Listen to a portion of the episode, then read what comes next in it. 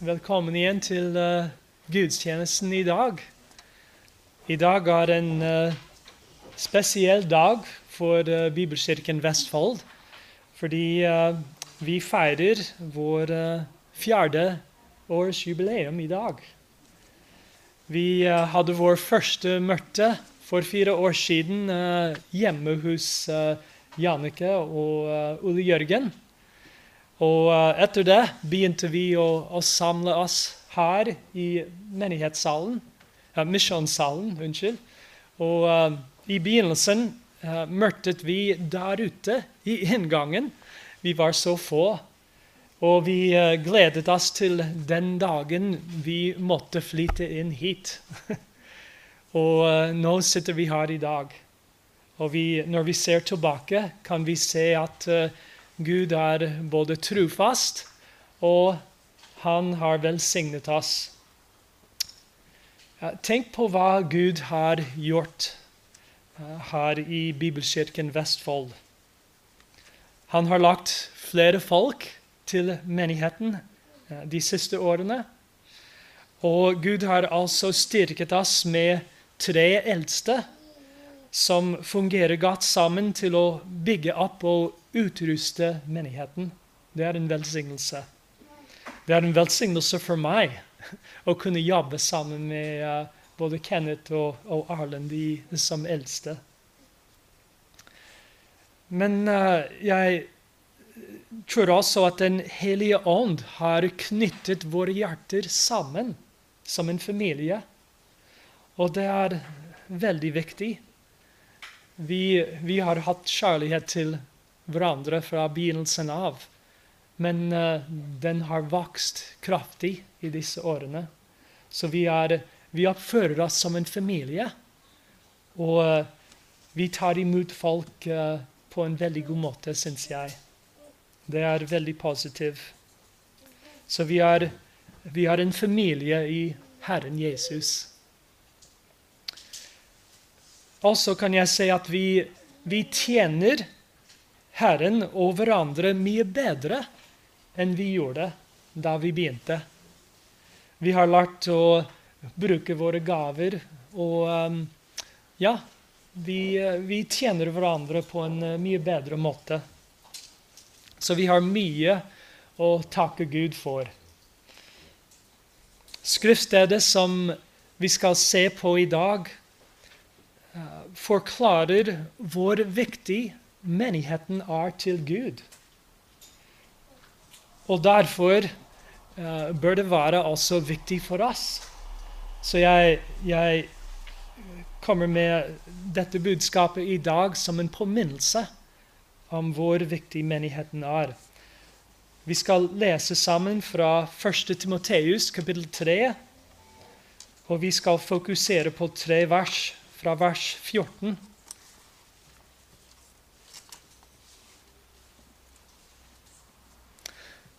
Disse ting skriver jeg til deg, selv om jeg håper å komme til deg om kort tid. Men hvis jeg blir forsinket, så skriver jeg slik at du kan vite hvordan en bør oppføre seg i Guds hus, som er den levende Guds menighet, sannhetens støtte og grunnvoll. Og det skal bekjennes stor er den gudfryktens hemmelighet. Gud ble åpenbart i skjødet, rettferdiggjort i ånden, sett av engler, forsynt blant hedning, hedningefolk, trodd i verden, opptatt i herlighet. Før vi går videre, la oss be sammen. Kjære Gud, himmelske Far, vi takker deg for ditt ord. Vi takker deg, Gud, at du har frelst oss ved din nåde, at du har lagt oss til denne menigheten. Jeg ber Gud at vi skal forstå i dag din plan for menigheten, og at, at vi skal gjøre din vilje og oppføre oss på den måten som du vil. Vi ber om din velsignelse nå og din Hellige Ånds kraft og styrke gjennom ditt ord. Vi ber dette i Jesu navn. Amen.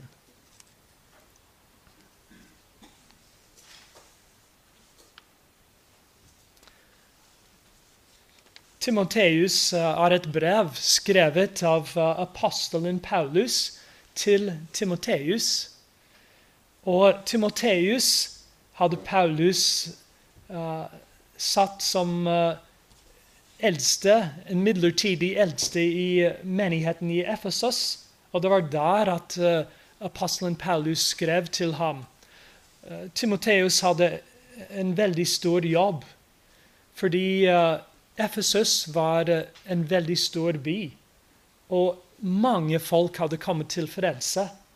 Men menigheten der manglet noen ting. De manglet eldste, og de manglet uh, uh, riktig lære, blant annet. Så Paulus skrev til Timoteus. Og vanligvis når du skriver et brev, kommer du med en gang i begynnelsen med formålet med brevet. Men Paulus ventet inntil nå midt i brevet sier han hvorfor han skriver til Timoteus. Og han skriver her disse ting skriver jeg til deg, selv om jeg håper å komme til deg om kort tid. Men hvis jeg blir forsinket, så skriver jeg slik at du kan vite hvordan en bør oppføre seg i Guds hus.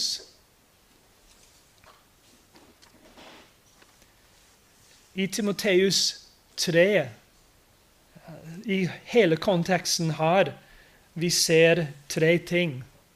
Vi ser at Gud har en plan for menigheten. Guds plan for menigheten.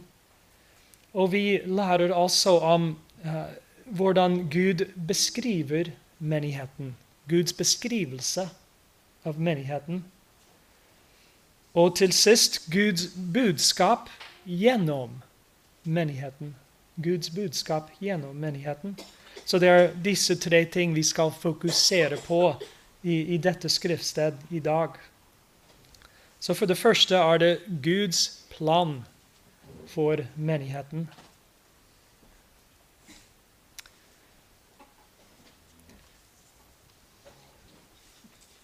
Paulus sier til Timoteus i vers 14.: Disse ting skriver jeg til deg hva er disse ting?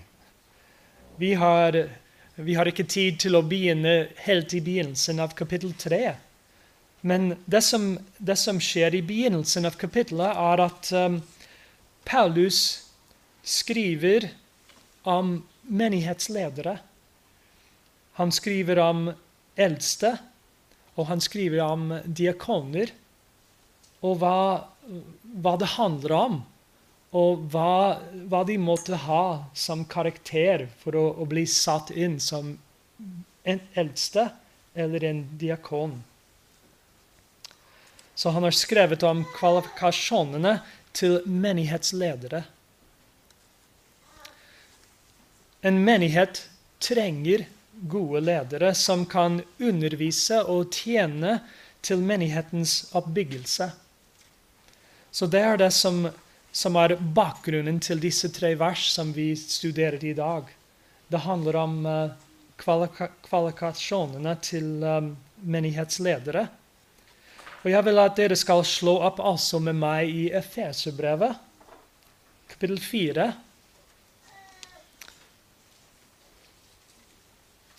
Efeserne 4 og vers 11.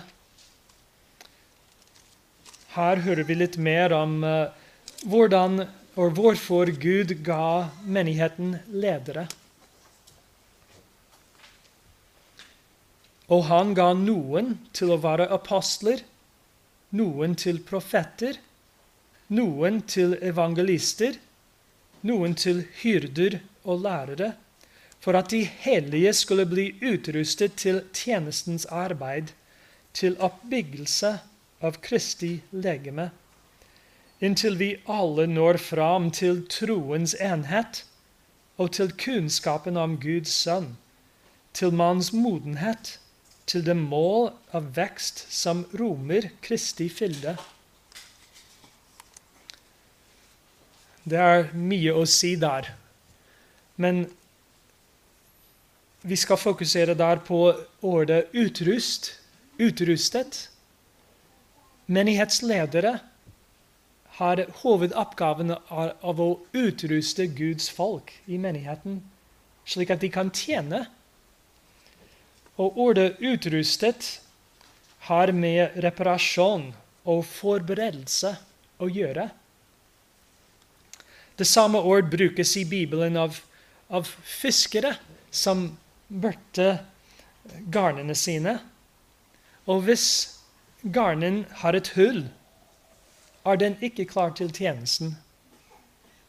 Er noen av dere fiskere?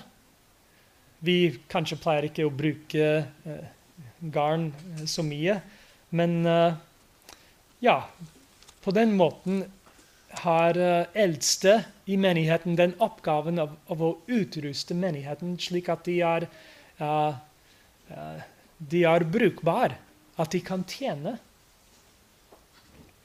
Og menighetens ledere lærer og, og formaner de hellige slik at de er klar til å tjene. Men hva er den tjenesten som medlemmene gjør?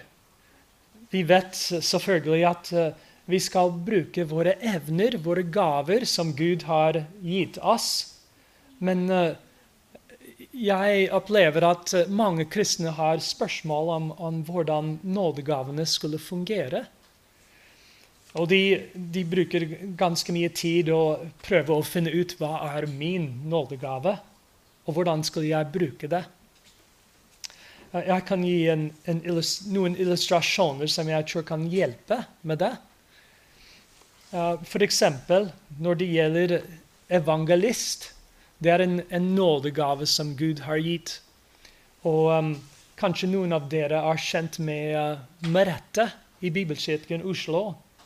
Uh, Merete er en, en, type person. Hun er bare begavet som evangelist. Hun deler evangeliet hele tiden med, med alle folk som hun møter. Hvis det er en mulighet til å ta samtalen i den retningen av evangeliet, så finner hun det med en gang. Og for meg er det bare en glede å høre uh, om hennes samtaler med andre. Det oppmuntrer meg. Og ikke bare oppmuntrer meg, men det utfordrer meg å dele evangeliet mye bedre enn jeg gjør nå. Og slik er det med nådegavene, fordi vi alle er kalt til å evangelisere, ikke sant? Men kanskje vi ikke alle har, har evne eller gave til å evangelisere. Men når evangelisten i menigheten gjør sin jobb, da er alle oppmuntret å evangelisere. Og det er bare ett eksempel. Jeg kan tenke på en, en annen. Uh, vi har en venninne her i Norge som vi har hatt uh, vi, har, vi, har, vi, var kjent med henne uh, for første gang for over 20 år siden. Og hun er begavet som Hun, hun har barmhjertighet mot andre. Hun, hun, bare har en sans for når det, når det er en person som sliter med noe, eller som har det tungt. Hun merker det med en gang, og hun, hun, uh, hun uh, har dratt med som magnet til den personen for å komme ved siden av og hjelpe. Og når hun gjør det, så oppmuntrer det meg å bli mer barmhjertig. Og slik fungerer alle gavene. Uh, ta f.eks. Uh, gavmildhet. Noen har en spesiell gave av å gi. Og de, de kan ikke gjøre det uh, på en måte som er nesten overveldende for de fleste. De kunne ikke takle å gi så mye. Men uh, de oppmuntrer alle til å gjøre det samme og bli mer trofast i å gi. Så jeg, jeg håper at, at dette hjelper litt. Grann. Hvis du begynner å tjene i menigheten hvor du ser et behov, så skal Gud bruke deg til å oppmuntre og bygge opp hele Guds familie. Slik virker nådegavene.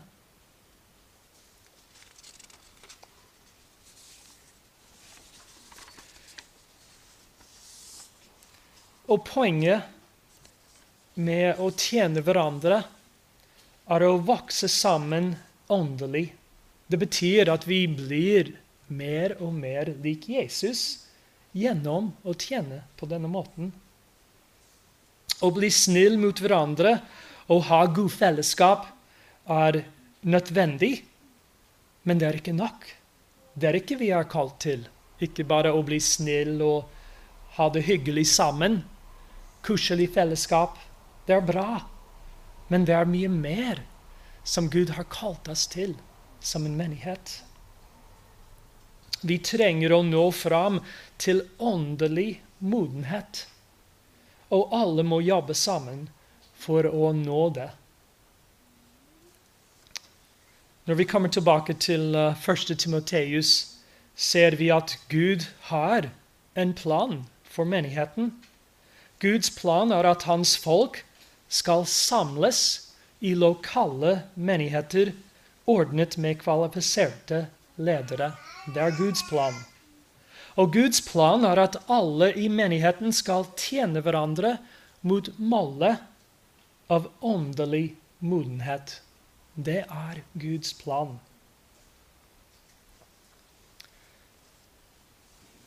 Mange som identifiserer seg som kristne i dag, har ikke bruk for en lokal menighet. De går ikke i menighet, selv om de sier de er kristne. De sier at de tror på Jesus, og det er godt nok. Men de er ikke med i Guds plan, ikke sant? De, de er kanskje ikke en ekte del av Jesu legeme i det hele tatt. Men de, de går glipp av, av Guds plan. Fordi Guds plan er at vi skal være sammen i en menighet hvor vi tjener hverandre og bygger opp hverandre til åndelig modenhet. Det er Guds plan. Hva om deg og meg? Vi er samlet her i dag, så det er et godt tegn. Men hvor seriøse er vi om Guds plan for menigheten? Forstår du at det er Guds vilje for deg å tjene i Jesu Kristi legeme? Jeg er takknemlig for alle dere som tjener aktivt i Bibelkirken Vestfold. Det er en velsignelse. Men hvis du er en som ikke tjener aktivt ennå, oppfordrer jeg deg til å følge nøye på dagens tekst. Bannen min er at Gud, Den hellige ånd, skal overbevise deg at du trenger å tjene aktivt. Guds plan er at alle hans folk skal tjene hverandre i menigheten som er Jesu Kristi legeme. Men nå skal vi gå videre og se Guds beskrivelse av menigheten.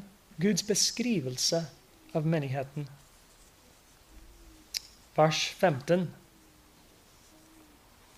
Men hvis jeg blir forsinket, så skriver jeg slik at du kan vite hvordan en bør oppføre seg i Guds hus, som er den levende Guds menighet, sannhetens støtte og grunnvoll.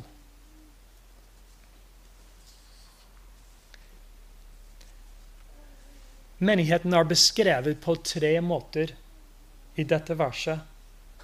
Og disse beskrivelse, beskrivelsene fremhever menighetens viktighet. For det første er det menigheten er Guds hus. Guds hus. Når vi leser uttrykket 'Guds hus', tenker vi kanskje på en bygning. Men betegnelsen egentlig betyr Guds bosted. Det er stedet hvor Gud bor med sitt husfolk. Uttrykket avbilder en familie.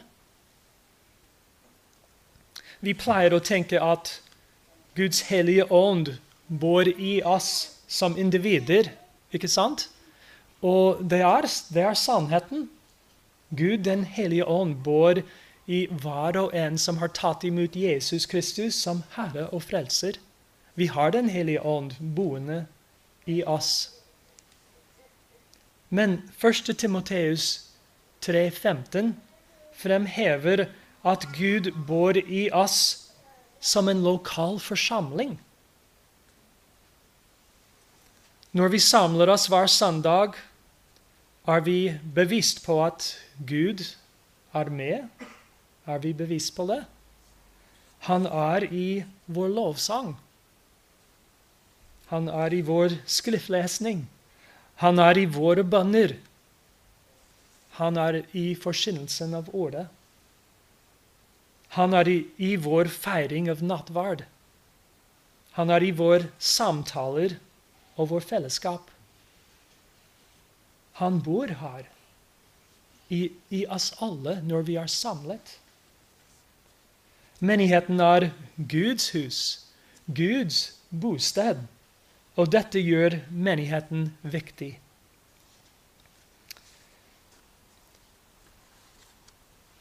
Å bo på hotell kan være hyggelig en stund. Men det er ikke som å bo hjemme. Kanskje dere har opplevd det? Hjemme er der hjertet ditt er. Stedet du hører til. En kristen uten en lokal menighet er som en person som bor på et hotell hele tiden. De savner følelsen av å høre til, og spesielt livet i Guds familie. Det er tragisk. Gud har designet kristne å leve sammen i en menighet som er Guds husstand, hans familie. Så Det er det første beskrivelse vi har i vers 15. Guds hus, det stedet hvor Gud er, hvor han bor blant sitt folk. Den, den andre beskrivelsen er den levende Guds menighet. Den levende Guds menighet. Ordet menighet er oversettelsen av det greske ordet eklesia. Og den bokstavelige betydningen av ordet er utkalt de som er kalt ut av verden. Eklesia oversettes til norsk som menighet eller forsamling. Betegnelsen her i vers 15 er 'den levende Guds menighet'. Og den levende Gud står i motsetning til avguder som er falske og ikke levende. I Det gamle testamentet leser vi mye om avgudsdyrkelse. Folk lagde guder ut fra deres egne tanker, med deres egne hender, og de tilba dem. De trodde ikke på den ene sanne Gud, som åpenbarte seg selv i Bibelen. Folk i dag er litt mer sofistikerte, kanskje. De lager ikke avguder med egne hender, men de forkaster Bibelens Gud på akkurat samme måte. De tilber en gud av sine egne fantasi i stedet for den ene sanne og levende Gud, den som vi leser om i Bibelen. Noen har gjort enda verre ved å sette seg selv i stedet for den levende Gud. Og den levende Guds menighet er derfor en forsamling som Gud har kalt ut av verden til seg selv. Den tilhører ham. Den tilber ham som han har åpenbart seg i Bibelen. Når vi tenker på hvem Gud er i all sin prakt og fullkommenhet, så er det spennende å forstå at vår menighet tilhører den levende Gud. Bibelkirken Vestfold tilhører den eneste sanne, levende Gud. Hvor herlig å kunne kalles den levende Guds menighet.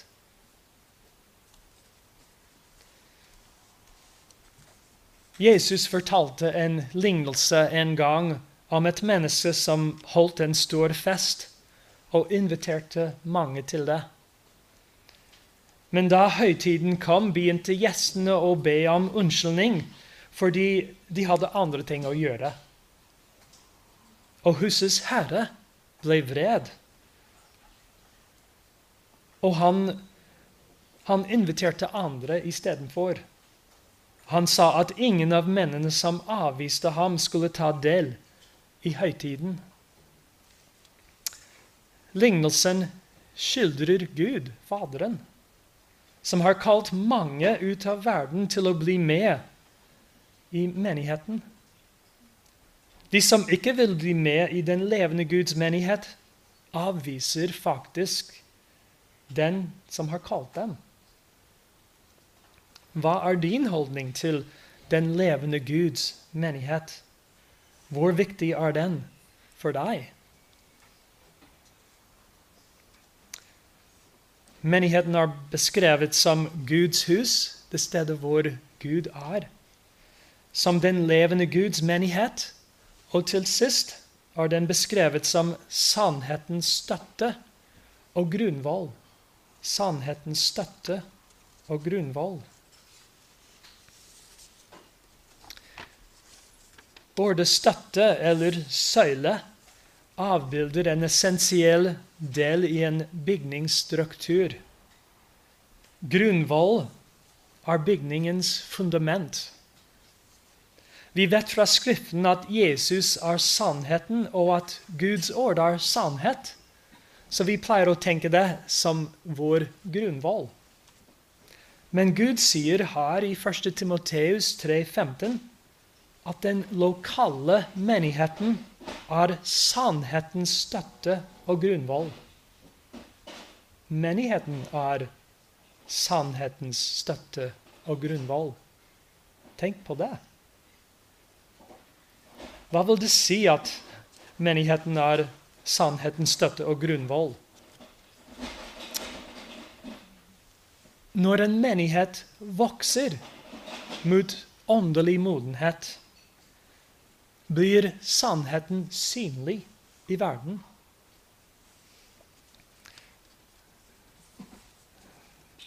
Verden vil kanskje ikke lese Bibelen for seg selv. Og de er ikke særlig interessert i, uh, i Jesus. Men de kan ikke fornekte at uh, det fins en menighet, og sannheten levd ut. I verden kan de se så på denne måten kan vi si at, uh, at menigheten er en støtte for sannheten. Hvis vi forsømmer menigheten, forlater vi Guds verk i denne verden. Gud har valgt å, å fremme sannheten gjennom den lokale forsamlingen. Sannheten som menigheten fremmes fins i vers 16, som vi skal se på. Og Så langt har vi sett på Guds plan for menigheten. Og vi har, vi har studert Guds beskrivelse av menigheten. Og nå får vi se Guds budskap gjennom menigheten. Det er vers 16.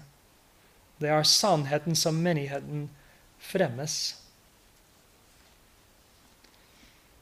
og det skal bekjennes. Stor er den gudfryktens hemmelighet. Gud ble åpenbart i skjødet, rettferdiggjort i ånden, sett av engler, forsynt blant hedningefolk, trodd i verden, opptatt i herlighet.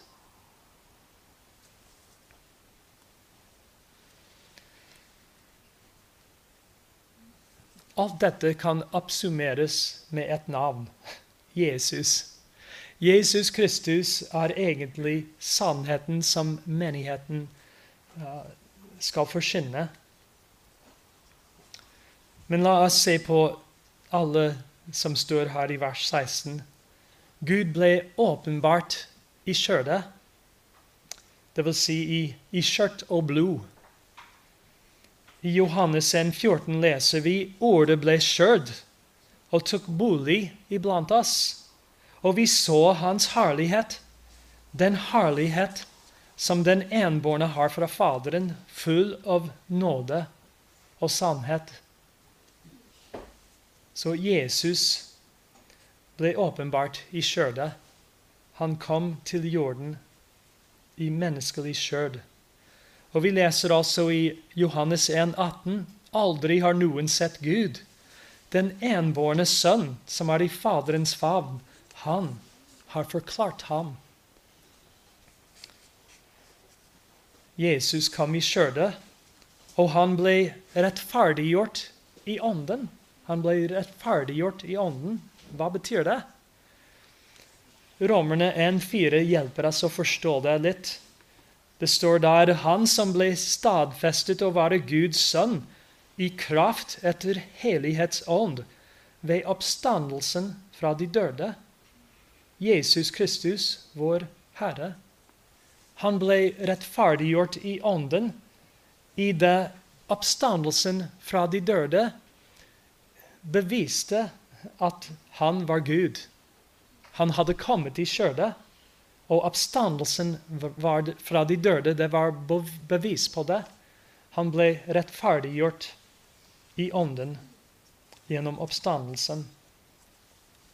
Han ble sett av engler, står det her. Vi leser i Matteus 4, og dere husker det, at, at Jesus ble fristet av Satan i øremarken. Og etterpå kom engler og tjente ham. Han ble sett av engler. Og han ble forsynt blant hedningefolk.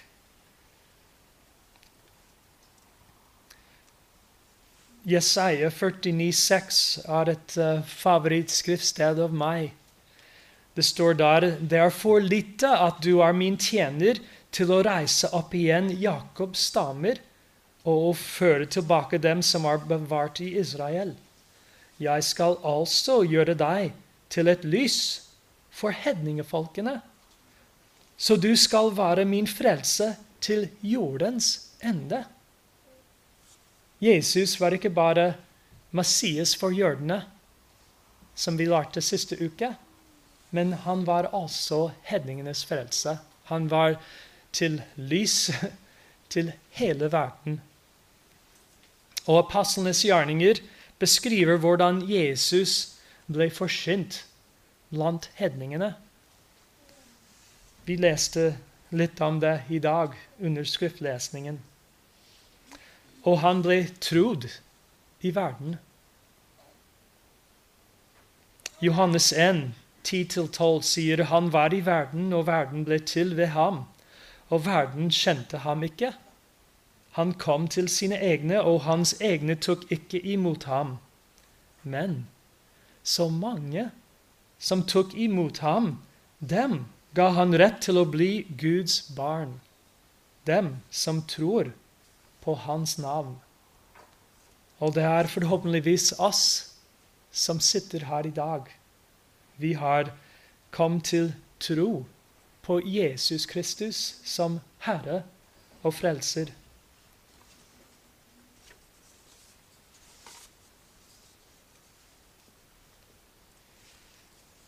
Hvordan kan vi anvende disse versene som vi har lest i dag? Å, oh, jeg glemte en ting. Unnskyld. Han var opptatt i herlighet. Han var opptatt i herlighet. Apostlenes gjerninger beskriver eh, akkurat det i kapittel 1 og vers 9-11. Da han hadde talt dette, ble han tatt opp mens de så på og en ski tok ham ut av syne for dem. Og mens de styret opp mot himmelen, idet han steg opp, se, da sto to menn hos dem i hvite klær, og de sa, Galileiske menn, hvorfor står dere og styrer opp mot himmelen? Den samme Jesus som ble tatt opp fra dere til himmelen, skal komme igjen på samme måte som dere så ham fare opp til himmelen. Guds fryktens hemmelighet, eller mysterium, er stort, som vi leser her i vers 16.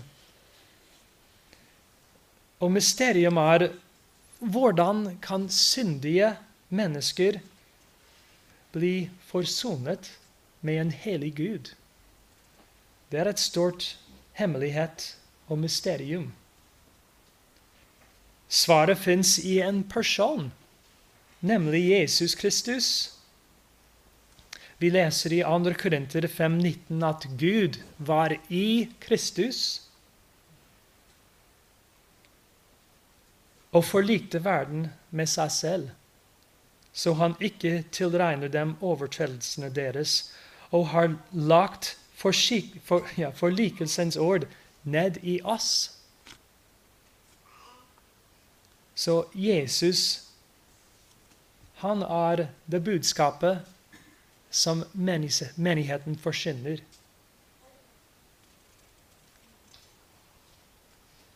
Det som vi leser her i vers 16, er regnet som uh, en tidlig trosbekjennelse. Kanskje det tidligste trosbekjennelsen vi har. Uh, uh, og her er det. Og det handler om Jesus Kristus. Han er sentral i, i den, denne trosbekjennelsen i vers 16. Husk evangelisten Philip.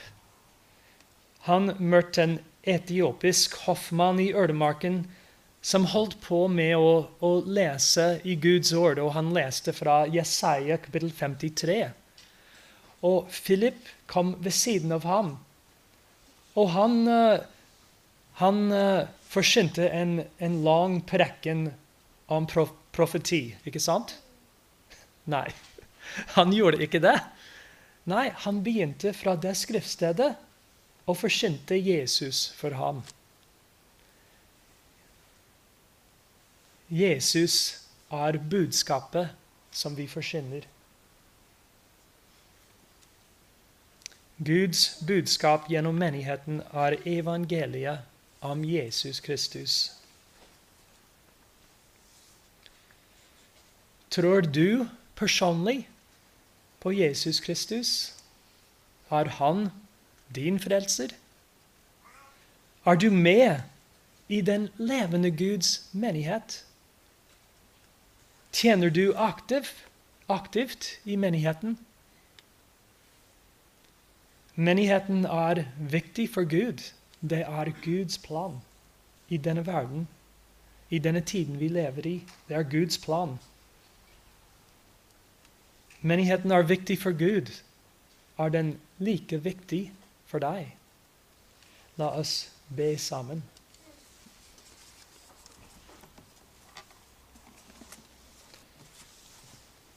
Kjære Gud, vi takker deg for din visdom. Vi takker deg, Gud, at du har ikke bare frelst oss som individer, men de, du har lagt oss i menigheten sammen, slik at vi kan tjene deg, tilbe deg og tjene hverandre i kjærlighet. Jeg ber Gud at uh, du skal fortsette å velsigne Bibelkirken Vestfold. Hjelp oss, Gud, å bli enda flinkere til å tjene etter din vilje. Vi ber altså Gud at du skal hjelpe oss med den oppgaven du har gitt oss, å evangelisere. Hjelp oss, Gud, å være trofast i det. Og være frimodig og, og dele evangeliet. Og vi ber Gud at du skal legge flere folk til eh, denne menigheten. Vi takker deg, Gud, for det som du kommer til å gjøre. Og vi ber alt dette i Jesu navn. Amen.